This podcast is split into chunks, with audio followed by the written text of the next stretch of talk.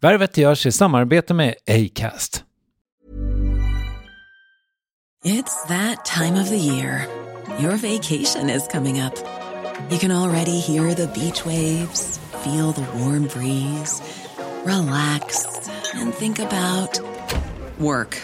You really, really want it all to work out while you're away. Monday.com gives you and the team that peace of mind. When all work is on one platform and everyone's in sync, things just flow wherever you are. Tap the banner to go to Monday.com. Everyone knows therapy is great for solving problems, but getting therapy has its own problems too, like finding the right therapist, fitting into their schedule, and of course, the cost.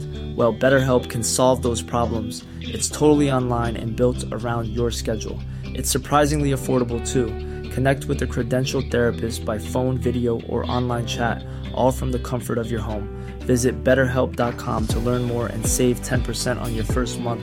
That's BetterHelp, H E L P.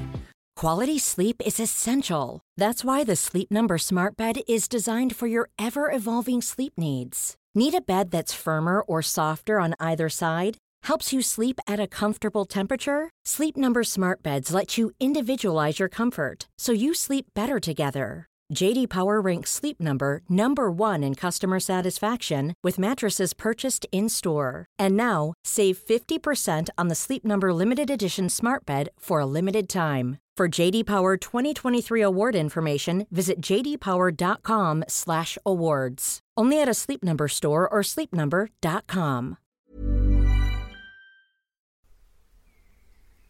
Värvet presenteras i samarbete med Nasonex, utomhusmöjliggöraren, som de inte kallar sig av någon märklig anledning. Men det är i alla fall Sveriges mest köpta antiinflammatoriska nässpray mot allergisk snuva. Och nu kommer ett litet test, så fram med papper och penna du som lyssnar, nu kör vi.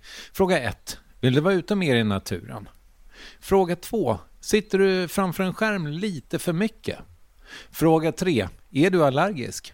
Om du har svarat ja på någon av frågorna så tycker jag att du ska bege dig till beanoutsider.se. Jag vill för övrigt poängtera att Nasonex nässpray är ett receptfritt läkemedel från 18 år för behandling av symptom vid säsongsbunden och perenn allergisk snuva.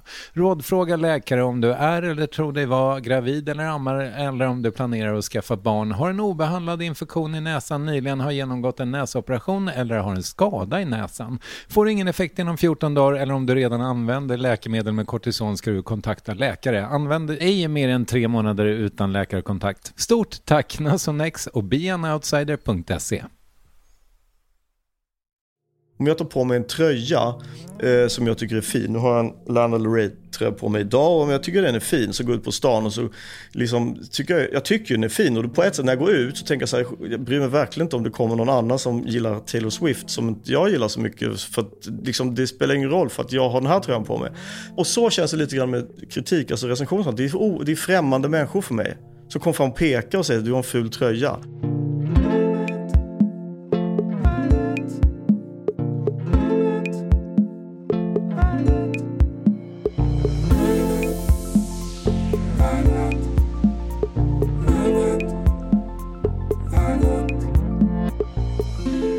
Han är en av våra största regissörer och när nu uppföljaren till en av hans succéer kommer till bioduken, för övrigt efter en paus från film i tio år, hade den världspremiär inte i Stockholm utan på en av världens mest framstående festivaler, den i Toronto.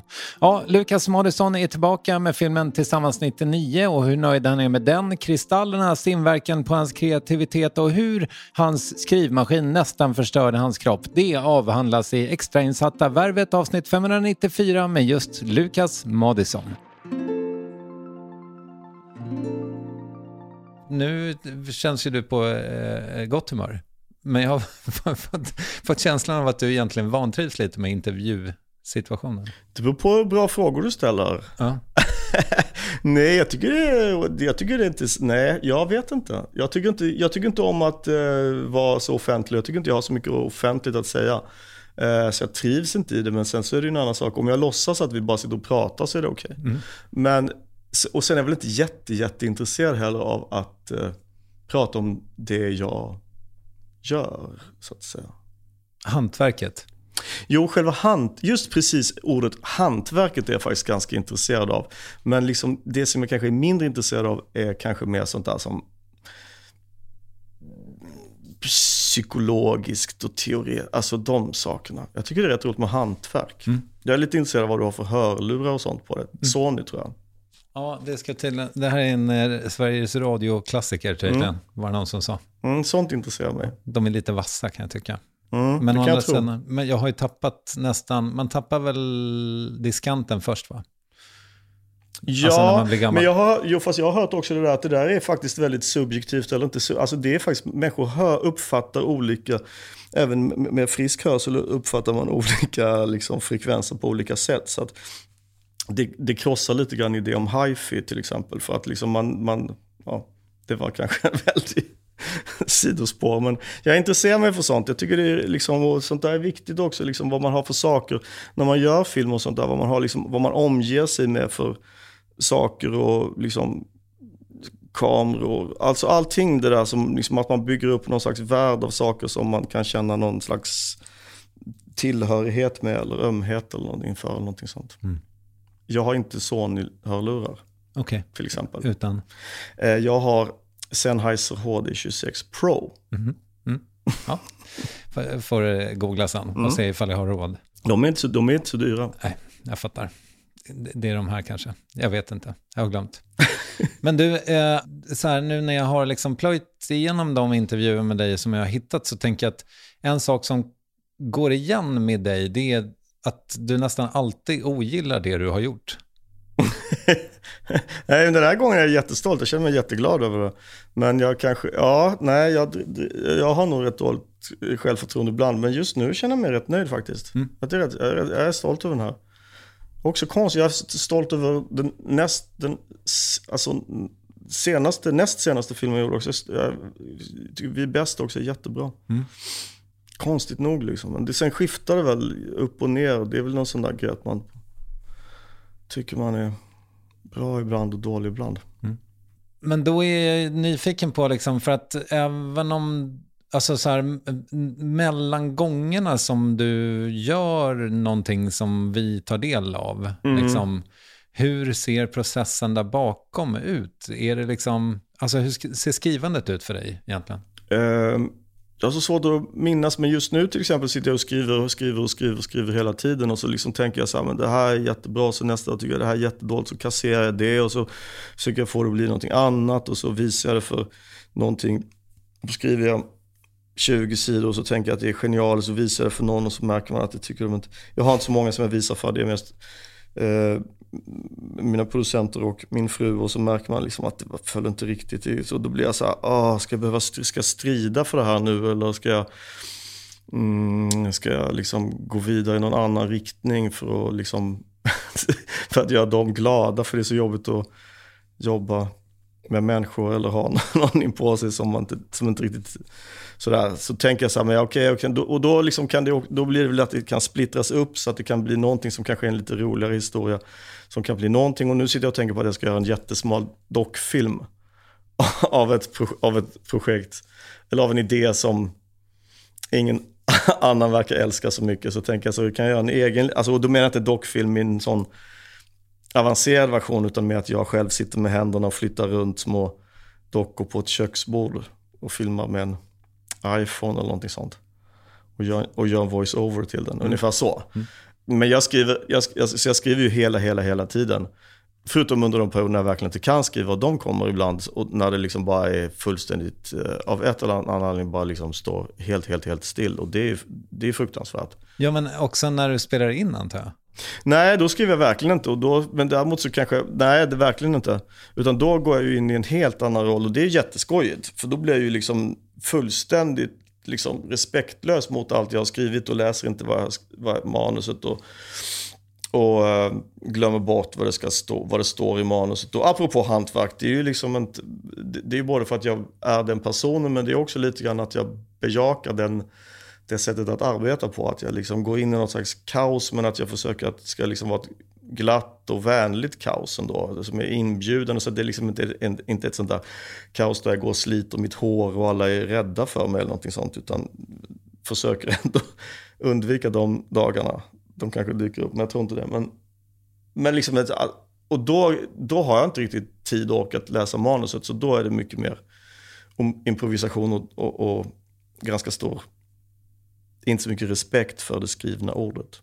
Nej, men det där är jävligt intressant tycker jag. Och, och, för en person en dag som jag som aldrig har regisserat så är en sak som jag återkommer till med människor som gör typ film eller föreställningar eller what have you, mm. liksom, det är i min begreppsvärld så är det liksom att man har en bild när man skriver sitt manus eller ja, och så är det klart. Och då tänker jag mig att i kreatörens huvud så är bilden väldigt klar mm. vad liksom slutresultatet blir. Mm. Och det här återkommer jag till hela tiden när jag mm. träffar en regissör. Mm. Okej, okay, men hur nära kom du? Mm. Men är det intressant? Har du också den? Ja, alltså nej. Nu på sista tiden så, så är jag nog väldigt förtjust i att bara släppa saker och ting och se vad som händer. Sen återförs, alltså det är väldigt, det är en, men det är väldigt komplicerat. Du får komma och göra ett inspelningsreportage och sitta och titta. Gärna. Men det... Um, jag tror det är viktigt att man liksom, för mig, men det är olika. Jag säger inte att den ena processen är bättre än den andra. Eh, alltså liksom, det finns ju allting från Hitchcock som menade i princip att det bara var ett manus och sen bara, bara ställa upp eh, skådespelarna som någon slags eh, skåp som stod, som flyttades runt i olika rum och så hade han redan tänkt ut exakt var kameran skulle stå och allting och jag har inte tänkt ut någonting av det där nästan förutom att jag kanske liksom har tänkt ut, vad ska man säga, stämningar och önskningar om att vissa scener ska liksom gå i vissa riktningar och sånt där. Men och sen kan jag ju förstås sätta stopp för improvisation också. För att liksom, dels för att olika skådespelare är olika bra på det och dels för att ibland kommer jag kanske ändå på att det finns vissa bra repliker i manuset som jag kanske ändå vill få med. Um, jo men sen får man ju komma ihåg att skådespelaren kan ju manuset. Så när jag säger att improvisera nu så är det inte så att jag säger att släpp allt ni har, alla repliker ni har lärt er. Så att liksom de känner väl ändå så att, jag tror ofta de, det, att de tycker ändå, de har ju liksom lagt in långa texter liksom. Så det är klart att de inte bara vill kasta sig bort från det. Så att de är ju nog faktiskt egentligen, de och andra människor runt omkring mig som skripta och inspelningsledare till exempel, är ju de som på något sätt skyddar manuset. Och jag är ju liksom den som kanske, mm, ja, inte skyddar manuset utan liksom vill hitta på något nytt för att jag Ibland känns det som att det är för att jag är uttråkad, men jag tror inte riktigt att det är det det handlar om. Nej. Ibland kanske. alltså att du är trött på din egen idé, alltså att du vill att den ska ta vägen någon annanstans? Det är lite så när man, ja lite så, det är lite som när man, när vi, när man klipper filmen också så kan man ibland liksom tänka så här, men den här scenen, jag har sett den hundra gånger och vi sitter och petar med småsaker, men kan vi inte bara stryka den eller kan vi inte bara göra den helt annorlunda? För att man liksom vill överraska sig själv för att man har någon jag säger man för att jag syftar inte bara enbart på mig, för jag tror att det kan handla om andra människor också. Eh, att man har någon rastlöshet eller någonting sånt där. Som det, det är lätt att man liksom eh, man tröttnar lite grann på något sätt. Men eh, det är nog mest, alltså, det, det är nog mest ändå en, en, en, en, metod som både kommer naturligt och som jag bejakar. Men där jag också känner att, jag liksom, att det är väldigt viktigt att, att jag har litar på mina, alla mina medarbetare på olika sätt. Så att jag liksom känner att jag bara är en som står i mitten och ibland bara lyssnar, liksom bara står trivs av att andra människor gör bra saker som fotograf och liksom som att det är en hel orkester runt omkring mig som är fantastiska. Och, så därför är det väldigt, väldigt viktigt vem man arbetar med. Och, för, att jag, för man kan ju inte liksom göra kaos i en situation där de, man vill göra skapa det kaoset med om de inte liksom tycker det är bekvämt eller trivsamt eller så. Liksom. Mm. Då blir det ju bara terror. Det låter också som att det, det blir land... Ska vi... Kan inte du förklara vad en skripta gör? För att jag, du är nog bättre på det än jag. Eh, en skripta sitter ofta bredvid regissören eller, och håller liksom koll på manuset där man får med allting och håller också koll på sådana saker som logiska saker som att liksom vad har vi, vilken del av en scen har vi eh, fått med i, alltså har vi fått med till exempel eh, alla reaktioner på dig när jag säger jätteroliga saker? Eller har vi bara fått med att jag säger de jätteroliga sakerna?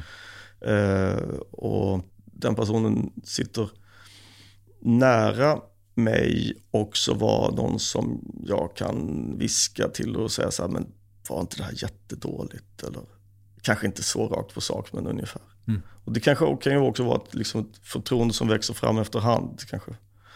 Men det känns också som att i det, då, det här liksom eh, snälla kaoset som du skapar, att hålla reda på huruvida frisyren ligger åt höger eller ja, vänster. Ja, den typen av saker. Men det, absolut, ja just det. Precis, den typen av klaffsaker som det då heter. Eh, absolut. Och, och eh, men kanske inte just frisyr, för att det finns de som sköter mm. mask. Mm. Okay.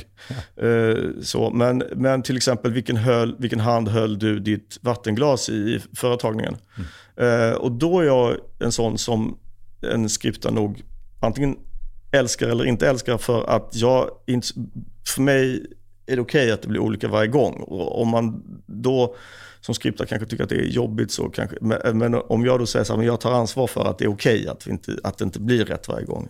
Så jag, liksom, jag, jag har ju någon idé om att antingen ska tagningar i den här filmen, att antingen ska de vara väldigt långa och obrutna, kanske lite grann som ett poddprat, eller så ska de hackas upp väldigt mycket. Och att det, liksom, det, där, liksom lite, det där lite mer vanliga klippandet mellan oss och sen klipper man av när scenen är lite normalt lång. För mig är det liksom lite tråkigt, utan hellre att man får, som nu, breda ut sig. Mm. Um, när man har träffat människor som jobbar med film så känns det som att det är sådär, jag hade någon gäst här som för länge sedan sa liksom att det är ett under att det blir bra någon gång överhuvudtaget, för det mm. är så svårt. Mm, mm. det känns lite så. Ja, ja men jag kan tänka mig det. Och mm. vi, jag, jag hör dig gärna utveckla det. Men jag tänker mig också att om man ska vara helt kompromisslös, då är det väl ganska perfekt att vara poet snarare än, än regissör. Mm. Men är det mer intressant för att det är svårare? Mm. Ja, ja, jag vet inte. Jag tror att det är någonting annat också som gör att jag gör film, som gör att det liksom på något sätt att man kan få lite så här ont i huvudet av att läsa dikter och liksom gå in i någon slags sån värld av att hålla på med dikter, både läsa och skriva, att man liksom, det blir som att det blir någon eh, huvudvärk på något sätt. Därför att det, det, man, jag tror att det som jag liksom kan tillföra, det finns några saker jag kan tillföra om jag gör film, eller om jag hade gjort musik, vilket jag då inte gör, men om jag hade gjort musik hade jag kunnat tillföra liksom någon slags kraft och eufori, någonting som lyfter. Liksom. För en dikt är fantastisk, men den är ändå liksom bara på, den är på ett papper. Liksom. Den är liksom, ja, euforin infinner sig mer sällan. Och sen, om jag gör film så kan jag tillföra en sak till. Nämligen jag kan försöka ta det där som jag har på det där pappret och försöka och, och, lägga till någon humor. Och jag försöker alltid, jag försöker alltid undvika humor. Men sen hamnar jag ändå i den då för att det liksom är ändå på något sätt livsnödvändigt. Så ehm, det kan faktiskt vara det som gör att min fru och mina producenter inte är så jätteförtjusta i mitt senaste ofärdiga manus. För det är inte så mycket, jag tycker det är lite humor i det, men de tycker inte det är så mycket humor i det. Det är på något sätt som att jag satt, jag satt också en gång nu, helt nyligen och tänkte så här, men okej okay, jag får försöka kanske anpassa mig och eller inte anpassa mig, liksom det, det, är också för att det kan vara något intressant i det. Men så tänkte jag, okay, jag får, för att jag vet att liksom det, det som kanske tv-kanaler och sånt eftersöker, att man ska göra någonting med det mord eller någon sån true crime eller någon deckare eller något sånt. Liksom. Så tänkte jag, fan. Men så kom jag på ett jättespännande brott som finns, alltså ett äkta. Mm. Så det här ska, det här ska, jag ska ändå ge det ett försök. Det här skulle faktiskt vara väldigt intressant att se om man kan skriva om det. Och det var, det, det hade kanske, men det blir så mörkt. Det handlar ju bara liksom om människor som mår, alltså som är jätte, det blir jättehemskt liksom. I huvudet också. Och särskilt eftersom det handlar om, vadå, ett verkligt brott. Ett mord till och med. Så är det så här, men varför ska jag sitta och hugga i det här liksom? Nu dissar inte jag alla människor som ägnar sig åt det liksom. Men, men det är bara någonting som, det bara börjar liksom ångesten började krypa i bröstet. Liksom. Och du vet också att om du ger det liksom den uppmärksamhet du får så kanske du måste hålla på och umgås med det i fyra år typ. Men det är ju det. Ja. Mm. Då tänkte jag att jag gör det snabbt och så skriver jag bara manus och så får någon annan regissera. Så har jag tänkt tidigare. När jag skrev Lilla Forever till exempel så tänkte jag att det här, det här pallar jag inte göra. Jag skriver det så får någon annan, någon annan regissera. Men sen kände jag att det var, det, var ju, det var ju jag som fick göra det ändå. Jag tänker mig dig också som konstnär, liksom, som ganska obrydd kring vad folk vill ha. Mm. Det är väl mitt ideal, men det är jag ju förstås inte. Jag blir ju jätteglad när, om jag stöter på någon som uh, säger någonting glatt och jag tycker det är jättetråkigt om någon säger någonting negativt. och Sådär. Men mitt, jag vill ju helst inte bry mig om det, för jag vill ju bara stå på egna ben. Men det liksom blir ju konstigt. Jag tycker nog rätt mycket om de liksom oväntade reaktionerna som man får från något oväntat håll. Liksom. Men så att det, för det, eh, dels så ska jag eh, försöka bena ut det här så att vi Mm. pratar om huruvida du känner att du har behövt kompromissa mycket med din liksom, konstnärliga vision eller vad man ska säga. Å ena sidan. Å andra sidan, just den här, i alla fall från mitt håll då, att jag tänker mig att du har varit fri i vilka hi- historier du har velat och dessutom fått berätta. Mm. Känslan är inte att du har stuckit upp fingret i luften och frågat så här, okej, vad, vad, vart blåser det? Vad, vad vill folk ha? Ja, de, det verkar som att alla vill ha en film om två eh, tjejer som blir kära i varandra i en småstad i Värmland. Dalsland. Dalsland, Eh, förlåt. Nej, det var, nog, det var nog kanske inte de som ville ha då. Men vi har ju ingenting att dricka. Det, det här då? Longo Vital, ört och vitamintablett. Nej men alltså er. Men Alvedon då? Nej lägg av, det händer ingenting. Jo. Nej. Men jag vill knarka! Eller eh, ett, liksom en film om ett kollektiv i liksom ironins tid, så att säga. Nej, först och främst var det ingen som ville ha ett hål i mitt hjärta och container som ingen ville se överhuvudtaget. Eh, Jag har ju i alla fall sett halva containern. Ja, ja, bra. Mm. Eh, jag tycker den är rätt eh, njutbar eh, när man ser till exempel småklipp på YouTube och sånt som jag har hittat någon gång. Men den är inte så himla lång. Jag, tycker den är, jag, jag, är, rätt- jag är rätt förtjust i den. Nej, men jag är nog rätt stolt över att, ändå att jag har lyckats göra så olika saker och att jag liksom har någon slags spännvidd som går från väldigt eh, breda saker till, eller inte breda, men alltså som fått stor publik till väldigt, väldigt konstiga saker.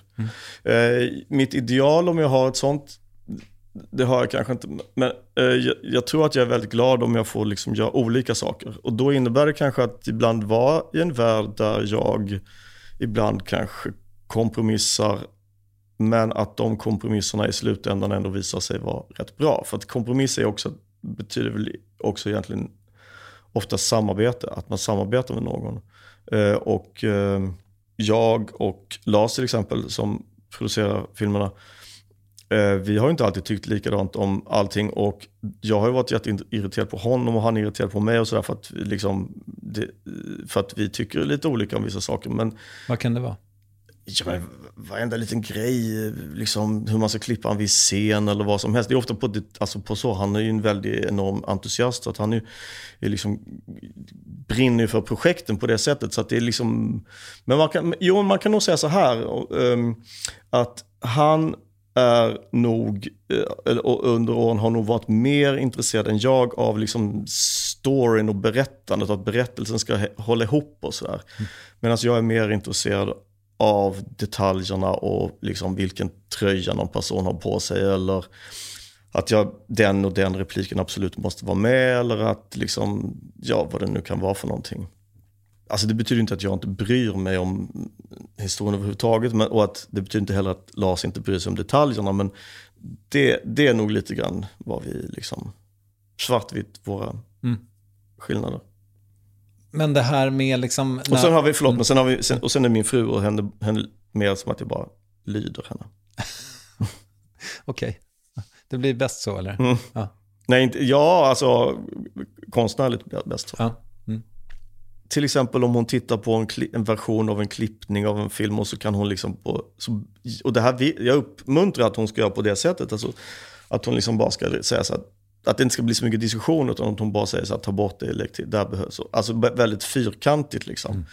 Och det brukar ju alltid vara så att det stämmer med vad jag själv tycker fast att jag inte riktigt själv har fattat det på något sätt. Så att hon är med så det, på det sättet. Men jag blir ju jätteirriterad och ledsen ändå när hon säger att någon viss scen inte håller och sådär. Mm. Men eh, så det dröjer ett tag innan jag, eller jag känner att jag lider ändå, liksom, oftast. Mm. Knyter äh, näven i fickan kanske? Ja, mm. lite. Tycker du om all, alla, alla delar av processen? Liksom?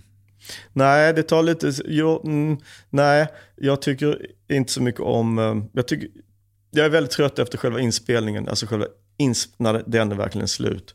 Då är jag väldigt trött. Och då är klippningen ganska svår och ljudläggningen ganska svår efteråt. Men det är mest för att jag, det, det känns, då känns det för mig som att det är slut. Liksom. Mm. Den här gången var det faktiskt en riktigt rolig klippning ändå.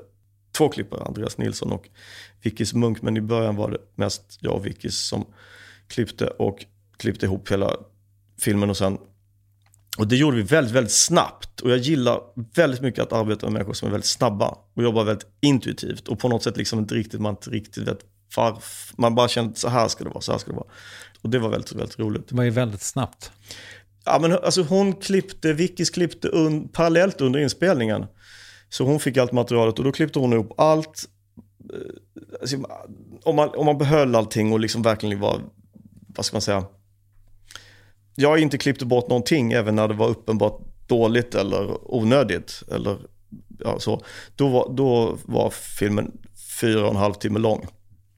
Och sen satt vi och var otroligt glada slaktare i tio dagar tror jag bara. Och, och, fick, och gjorde den till 2.20 eller någonting sånt. Så det, var liksom, det var mer än två timmar vi slaktade bort. Och vi bytte väldigt mycket tagningar och dessutom. Och liksom, men det gick väldigt, det var väldigt, väldigt roligt. Eh, och sen var det en lång process, flera månader, vilket är normalt alltså, av att justera och ta bort lite till och ta bort lite till. Där var nog en liten kompromiss från min sida, men jag tror att det kanske blev bra för filmen. Jag hade nog velat att den var lite längre. Okay. Mm. Men det är en smaksak. Mm. Men det här då, för jag har fått för mig att det jobbigaste, men det kanske är Lars Jönsson som gör det jobbet, men det jobbigaste med film verkar ju vara också att få ihop pengar. Ja, men det, där går jag bara vid sidan, mm. så att säga. Jag hör ju vad som händer, men jag är inte så delaktig i det. Du behöver inte åka till Tyskland och klä dig i Nej, kostym. jag är ofta sån som till och med inte får vara med på sådana möten för att de vet att jag är, då blir jag rätt grinig. Okay. Så på många sådana möten, med, och även under till exempel klippningen och sånt när eh, det kommer mycket åsikter från olika håll, då, då får jag ibland inte vara med. Okay.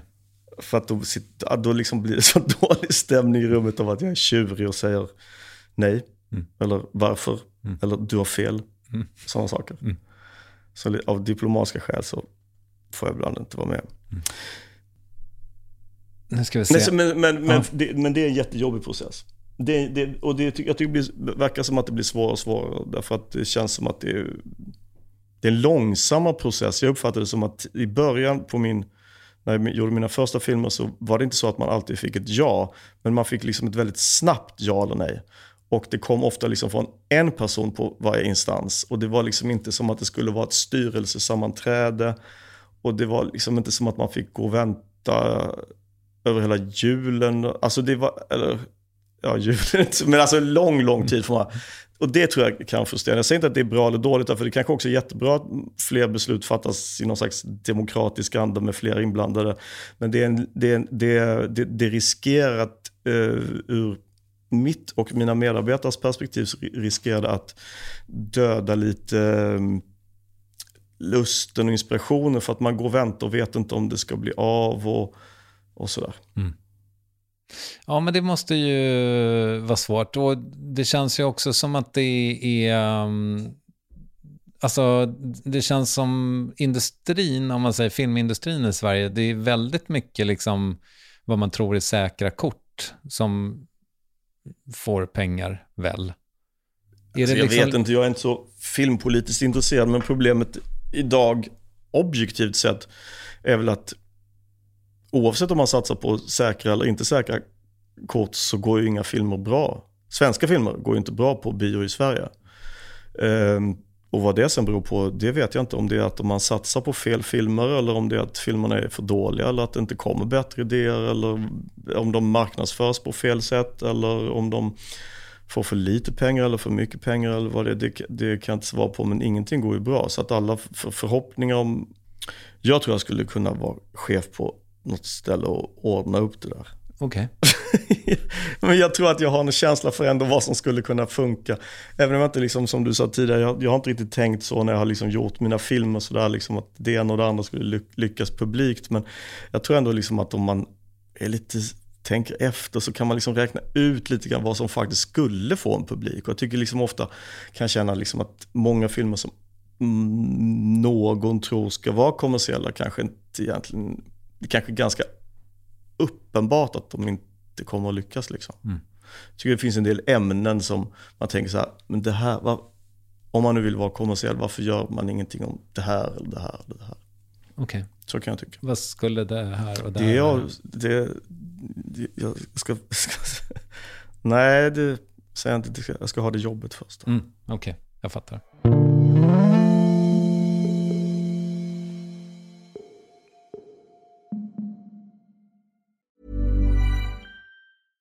Ryan Reynolds here from Mint Mobile. With the price of just about everything going up during inflation, we thought we'd bring our prices down. So to help us, we brought in a reverse auctioneer, which is apparently a thing.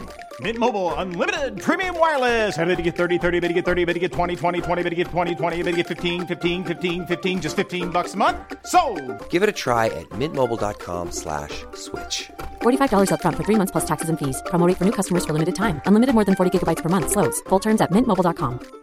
I'm Sandra, and I'm just the professional your small business was looking for, but you didn't hire me because you didn't use LinkedIn Jobs. LinkedIn has professionals you can't find anywhere else, including those who aren't actively looking for a new job but might be open to the perfect role, like me. In a given month, over 70% of LinkedIn users don't visit other leading job sites. So if you're not looking on LinkedIn, you'll miss out on great candidates like Sandra. Start hiring professionals like a professional. Post your free job on linkedin.com slash people today. Everyone knows therapy is great for solving problems, but getting therapy has its own problems too, like finding the right therapist, fitting into their schedule, and of course, the cost. Well, BetterHelp can solve those problems. It's totally online and built around your schedule. It's surprisingly affordable too. Connect with a credentialed therapist by phone, video, or online chat, all from the comfort of your home. Visit betterhelp.com to learn more and save 10% on your first month. That's BetterHelp, H E L P. Yes, ny sponsor. Värvet presenteras i samarbete med Svea Bank. Och jag menar inte att ta ner stämningen, men dessvärre är ju lågkonjunkturen här, vilket innebär att de flesta branscher har det tufft och också väldigt många privatpersoner. Jag vet själv vad det är att ha en trasslig privatekonomi. Det var struligt i många år för mig och låg ofta post i hallen med trista logotyper i ena hörnet och jag hade också i flera års tid ett helt gäng betalningsanmärkningar. Och tyvärr är det nog många som har det svårt att få ihop till räkningarna just nu, som har hamnat i ekonomiskt trubbel. Och det är här Svea Bank kan kliva in med något som kallas skuldfinansiering. Där löser de skulder hos inkasso och till Kronofogden och till och med om Kronofogden vill sälja ditt boende har Svea Bank möjlighet att hjälpa till. I den här tjänsten får du en personlig handläggare som gör en grundlig genomgång av din ekonomiska situation, de tar kontakt med dina kreditgivare och när ett lån beviljats löser de dina skulder skulder åt dig och samla dem i ett enda lån med en avbetalningsplan som din ekonomi klarar av. För om du har hamnat i klister, du är inte ensam och kanske kan det här hjälpa dig. På svea.com skuldfinans kan du läsa mer. Tack Sveabank! Apropå egentligen ingenting, men jag upptäckte i morse att en 22-åring vid Uppsala universitet har skrivit en C-uppsats om empatin i din lyrik. Alltså i, i, år har han skrivit den. Jaha, ja. oj, wow, vad roligt. Ja, inte det fantastiskt? Jo, fantastiskt. Det är de, men det, det, det gör mig jätte, jätteglad. Det är jätteroligt.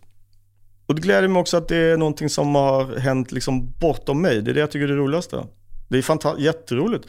Eh, men det, just det att det liksom inte är någonting som jag visste om. Och någon, jag var i Toronto och de reaktionerna som kom där, att det liksom plötsligt stöter man ihop med någon på gatan som säger att de träffades och blev ihop när de såg Vi är bäst och sånt. Liksom. Alltså den, den sortens lite oväntade är jättetrevligt. Mm. Och då kan känna att det pågår också på något sätt bortom mig så att jag blir riktigt glad. Men jag tänker också att jag vill nog inte läsa den uppsatsen. Liksom.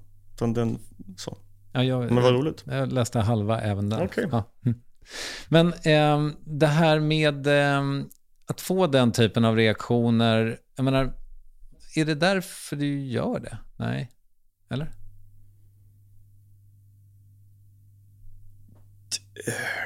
Nej, det... Nej, det är det nog inte. Det gör kanske delvis för att jag inte kan så mycket annat och att det liksom på något sätt har... Nej men det låter kanske lite så löjligt men samtidigt så tänker jag så här om jag skulle sluta nu och vad, vad, vad ska jag göra då liksom? Jag har inte riktigt något annan som jag, jag har ingen annan utbildning liksom. Jag, alltså, på, alltså verkligen, jag vet inte riktigt vad jag skulle göra för någonting. Alltså jag har intressen, men de är inte något jag kan... Jag kan inte bli liksom... Ja... Nej, jag vet inte vad jag skulle bli. Proffsidrottare är svårt, kanske. Ja, precis. Men jag känner lite som...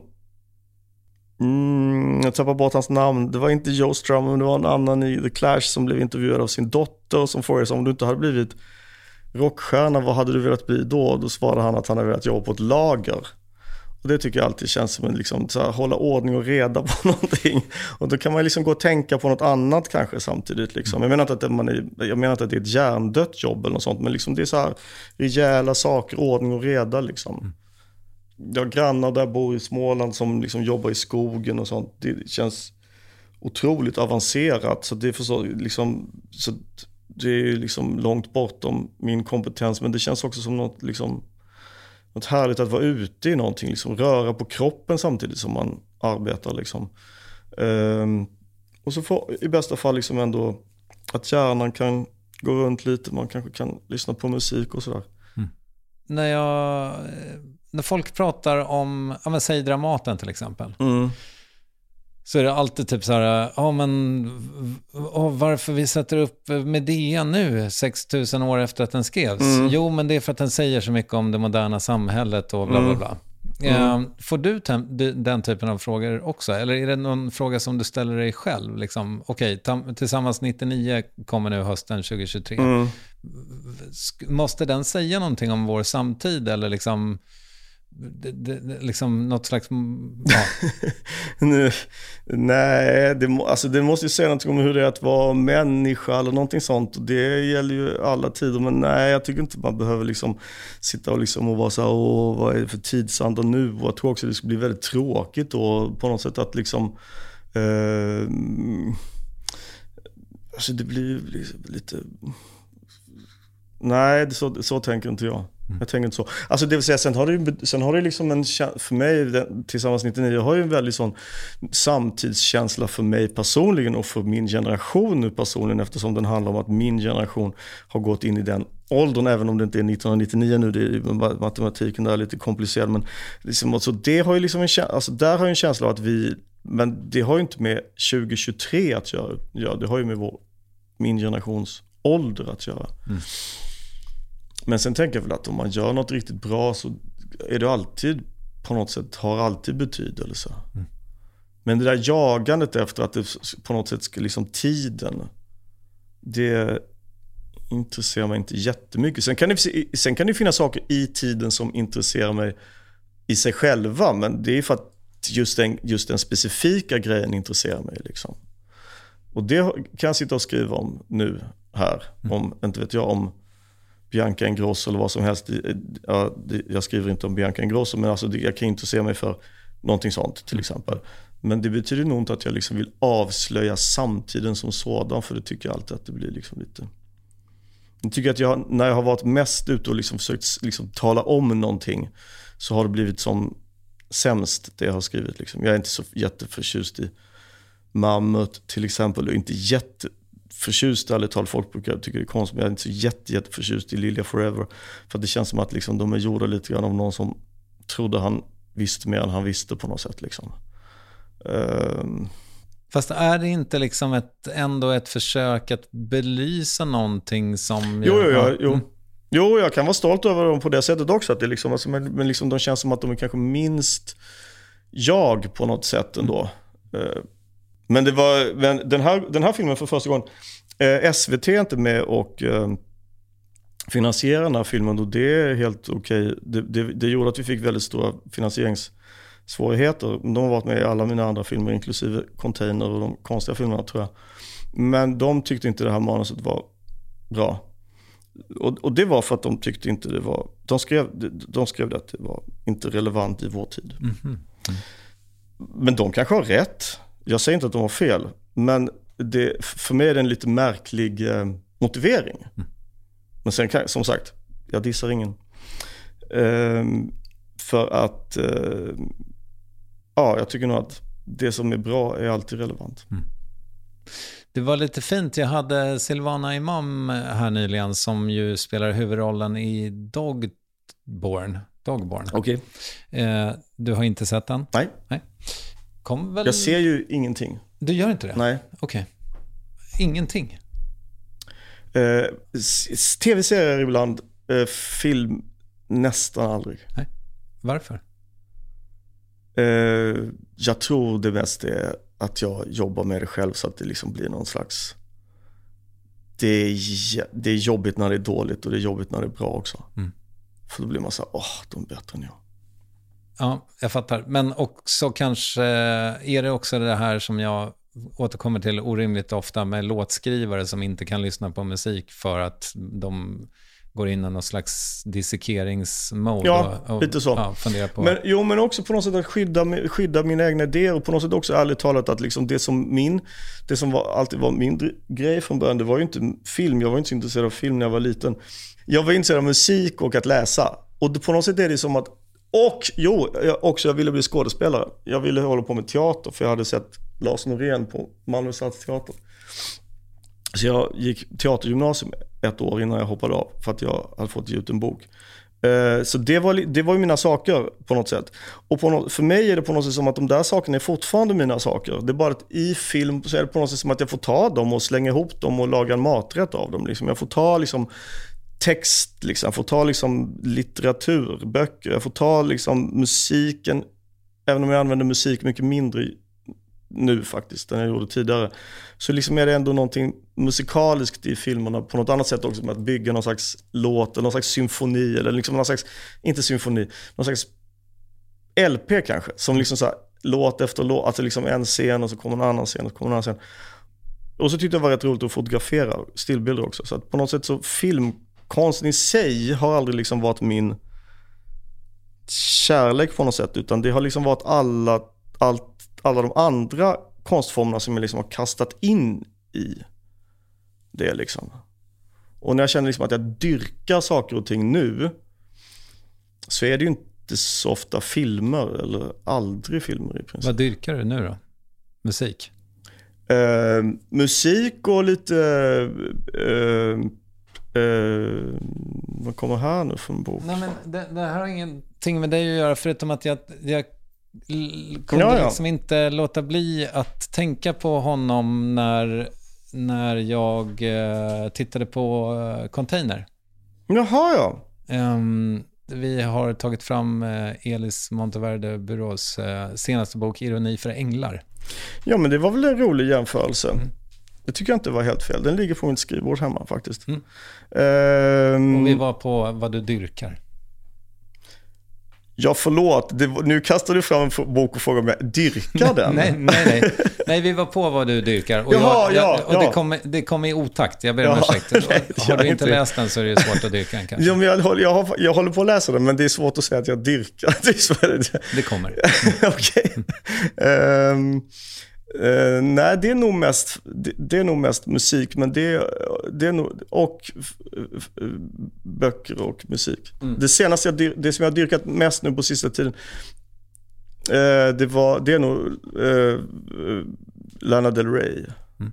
som jag har på min t-shirt idag för att tala om det. Ja. ja. Mm. Um, och så um, har läst eh, Sappho, den gamla grekiska poeten, mycket på sista tiden, om och om igen. Som jag tycker är jätterolig också för att det finns ju bara, de flesta av hennes dikter är ju bara kvar i små, små fragment. Så de, jag tycker det, det, apropå att det finns sällan humor i poesi, men det uppstår ju en väldig humor i att en enda di, en dikt eller ett fragment, den kanske ska hänga ihop med något annat, men liksom att ett, det enda som är kvar av en av dikterna är tvättmedel. Det väcker så otroligt mycket, det är ju liksom väcker så otroligt mycket frågor om bara en sån sak som vad var det för tvättmedel? då, vad hade man då för tvättmedel? Antiken, ja. Så henne har jag dyrkat lite grann på sista tiden också. Jo, men det här då att liksom du som, som liksom den unga Lukas Moodysson liksom drömde inte om att en dag stå på eh, filmfestivalen i Cannes så att säga. Gör det på något sätt att du liksom känner dig ohemma i mm. de salongerna fortfarande? Ja, så kan det nog vara lite grann. Mm. Nu menar jag inte att, jag liksom, att det var något rättesnöre hur jag var när jag var 17 eller någonting sånt. Men jag liksom tänker nog ibland om jag skulle ha tyckt att det här var kul eller bra eller starkt eller berörande när jag var 17 år eller någonting sånt. Det, som sagt, det är inte ett, liksom, man ska inte vara löjlig och tycka att man var som bäst när man var tonåring. Men man får liksom ibland kanske bara försöka påminna sig om var man kommer ifrån på något sätt. Och vad man, liksom, vad man har med sig från då och inte med sig från då. Och att men också rensa i det, som att viss musik som jag lyssnade på då, eller vissa saker som jag tänkte då och sånt, är förstås helt idiotiska. Och om man får, får den idiotiska idén att läsa några gamla brev eller dagböcker man skrivit så häpnar man ju över sin, eller jag häpnar över min dumhet och självupptagenhet och ointelligens. Men det finns ju ändå någonting där som man liksom måste värna om på något sätt. Mm. Och när jag värnar om det, då känner jag ju mig väldigt främmande i alla typer av salonger. Okay. Mm. Det, det gör jag nog. Och också på något sätt främmande i alla typer av liksom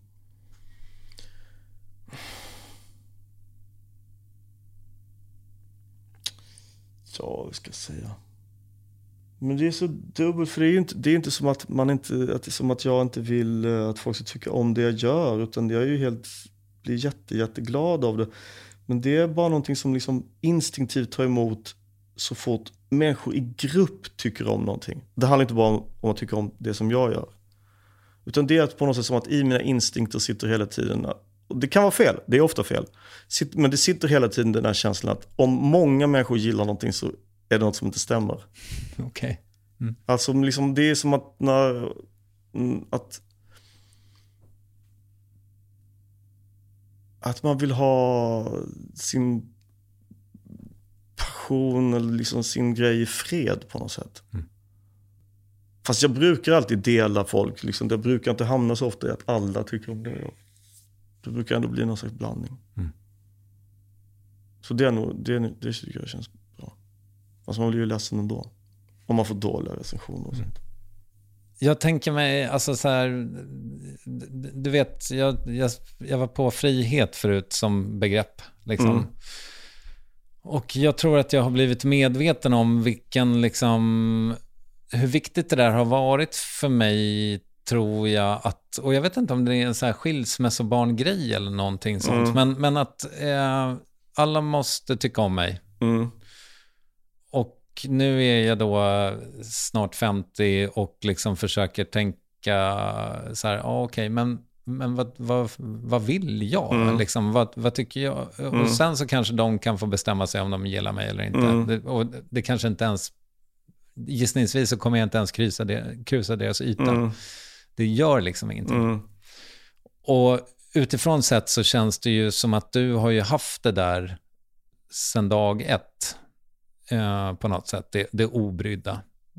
Men så är det kanske inte. Det är ju inte så, jo på sätt och vis på ett sätt, men det är ju dubbelt. Alla människor är ju lite schizofrena på något, alltså i icke-klinisk bemärkelse. Men alltså, det är ju dubbelt. Jag menar, jag blir ju jätte, jätte ledsen faktiskt liksom om ja, man får... Eh, alltså det, det är tråkigt om ingen tycker om det man gör förstås. Men, det, men alltså... Men det är dubbelt för jag... På ett sätt är jag ju inte, all, är jag inte alls intresserad. Men det är lite grann så här känns det lite grann som. Det är klart att man liksom... Om jag tar på mig en tröja eh, som jag tycker är fin. Nu har jag en Lana Del Rey-tröja på mig idag och om jag tycker den är fin så går jag ut på stan och så liksom, tycker jag, jag tycker den är fin och på ett sätt när jag går ut så tänker jag så här, jag bryr mig verkligen inte om det kommer någon annan som gillar Taylor Swift som inte jag gillar så mycket för att liksom, det spelar ingen roll för att jag har den här tröjan på mig. Men om det ändå kommer fram någon människa på stan och säger vilken ful tröja du har, då liksom är det så här, och så känns det lite grann med kritik, alltså recensioner, det är, det är främmande människor för mig som kommer fram och pekar och säger att du har en ful tröja.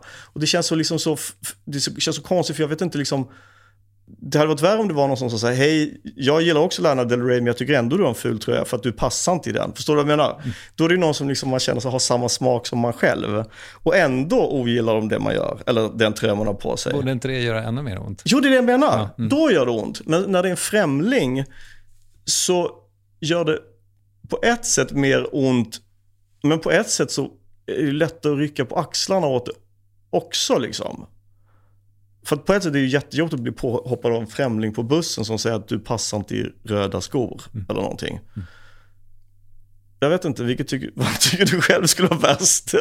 Om, om, din, om en vän sa du passar inte i röda skor eller om en främling sa du passar inte i röda skor. Ja, nu har du inte röda nej, skor. Nej, de är någon slags blå.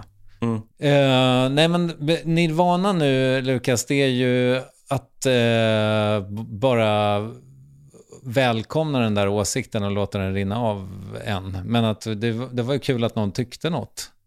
Ja, jag vet inte. Man kan ha hörlurar på sig så hör man ingenting. Jag älskar mina röda skor.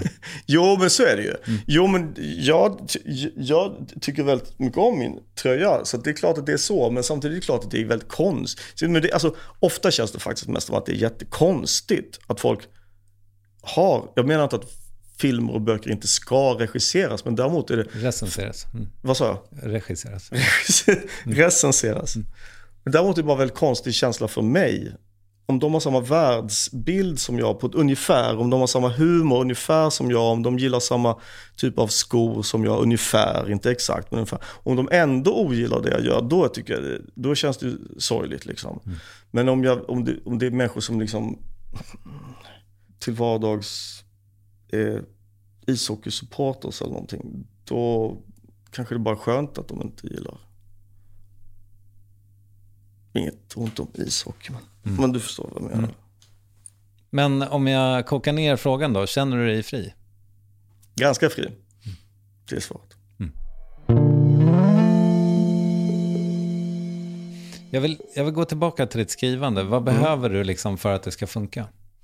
Det är olika under olika perioder. Jag har haft så skrivkatastrof år där jag liksom både av psykiska och fysiska skäl faktiskt inte kunnat skriva. Jag hade en, en period när jag liksom på något sätt, jag skrev så mycket på skrivmaskin så att jag blev fysiskt nedbruten så jag hade jätteproblem med en handled och de visste inte om de skulle operera eller vad de skulle göra.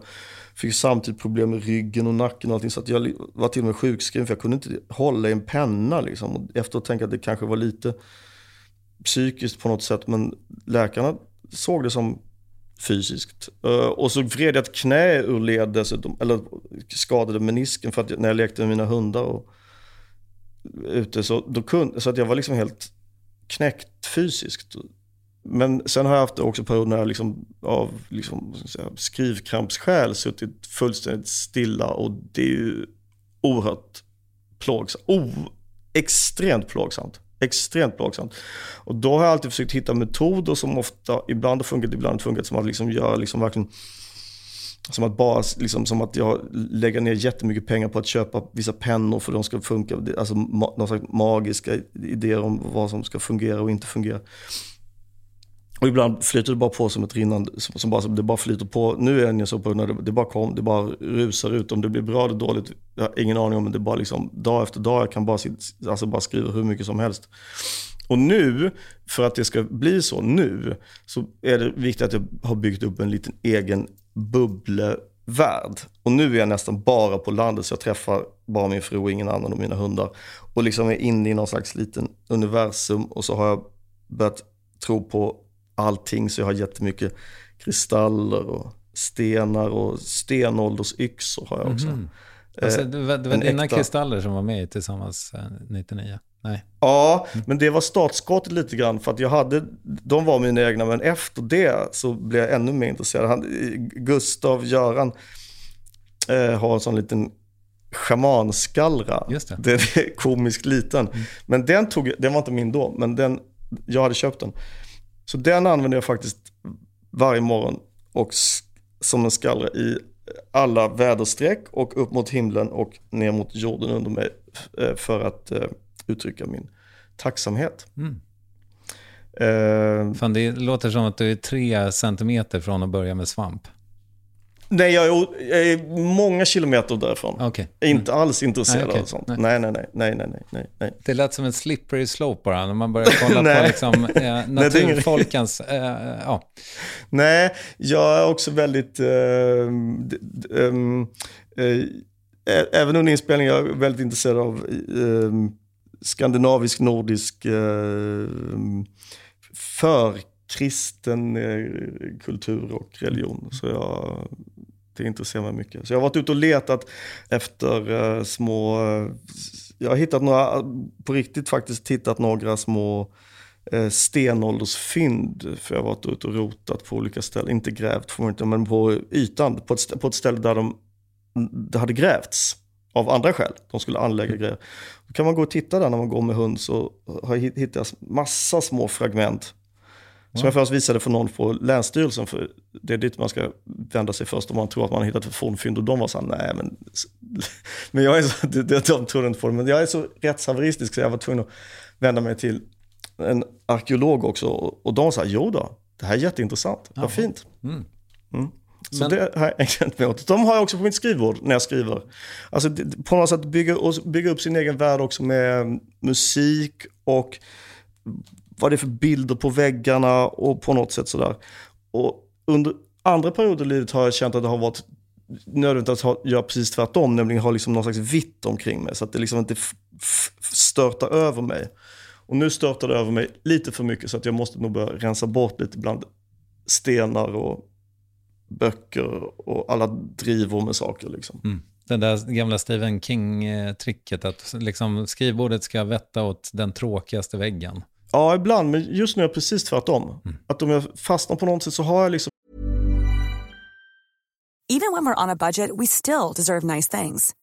Quince is a place to scoop up stunning high-end goods for 50 to 80% less than similar brands. They have buttery soft cashmere sweaters starting at $50, luxurious Italian leather bags, and so much more. Plus, Quince only works with factories that use safe, ethical, and responsible manufacturing. Get the high-end goods you'll love without the high price tag with Quince. Go to quince.com slash style for free shipping and 365-day returns.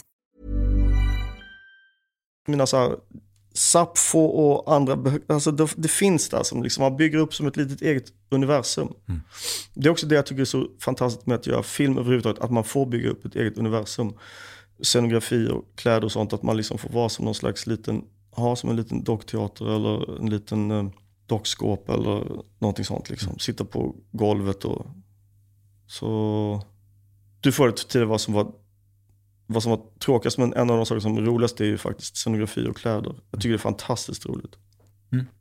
Ja, det, nej, jag är helt ointresserad av vad du tycker är roligast. Du är ointresserad av det? Ja, jag ville bara veta vad du tyckte är tråkigast. Okej. Ja. Nej, det var ett skämt. Eh, det var, tack, det var intressant. Skriver du dagbok? Nej. Nej. För, eh, men du gjorde under 12 månader i skugga, eller? Eller är det en, en Ja, fake dagbok? Ja, man kanske kan kalla det dagbok. Jo, det var det kanske nog. Jo. Men, men inte, liksom, det är inte en rutin du har? Nej, och som jag sa tidigare, att om man någon, någon, gång fick, när någon gång fick för mig att liksom läsa några gamla dagböcker från när jag var ung så slår det mot mig hur ointelligent jag är. Så att, och det var så, det känner jag liksom att när jag, om jag ska sitta ner och skriva ner så. Jo, jag skriver faktiskt, vi har ett block, så på varje, alltså där, där jag skriver liksom mina, alltså ja, texter, påhittade saker. Mm, Allra högst på pappret så skriver jag dagens datum och så skriver jag typ två stödord. Mhm. Typ dålig dag. Mm. Ångest. Eller det regnar ute. Men inte mer än så. Vad ger dig ångest då?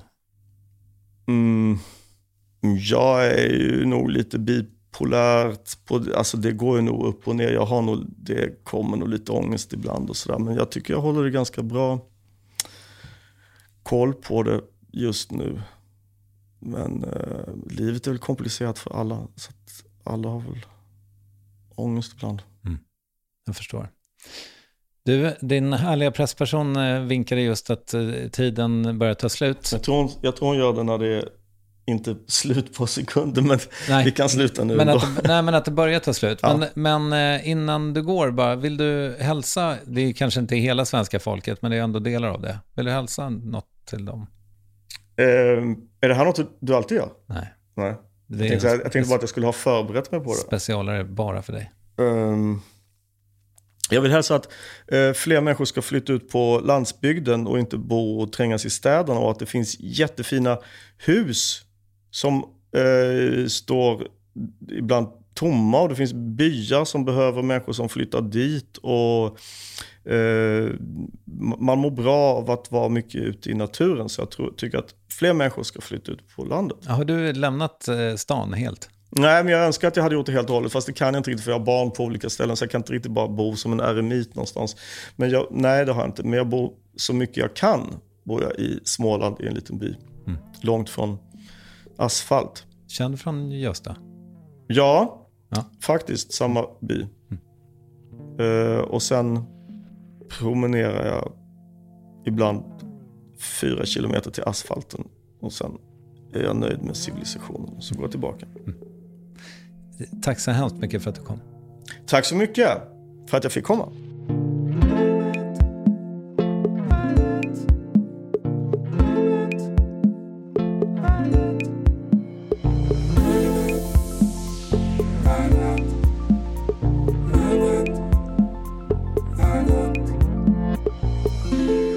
Måste ju be om ursäkt till alla dalslänningar för att jag inte hade koll på var Åmål låg. Nu vet jag, har googlat. Däremot hittar jag till biografen Tillsammans 99 går upp idag. Och med det tackar jag för idag. Ska bara förklara att vi hade för många gäster under hösten och fick helt enkelt lägga in ett extra datum, därav fredagssläpp. Men på måndag är allt som vanligt igen när Adam Lundgren tittar förbi. Värvet görs av Ninni Westin, Kristoffer Triumf och Acast. Tack för idag.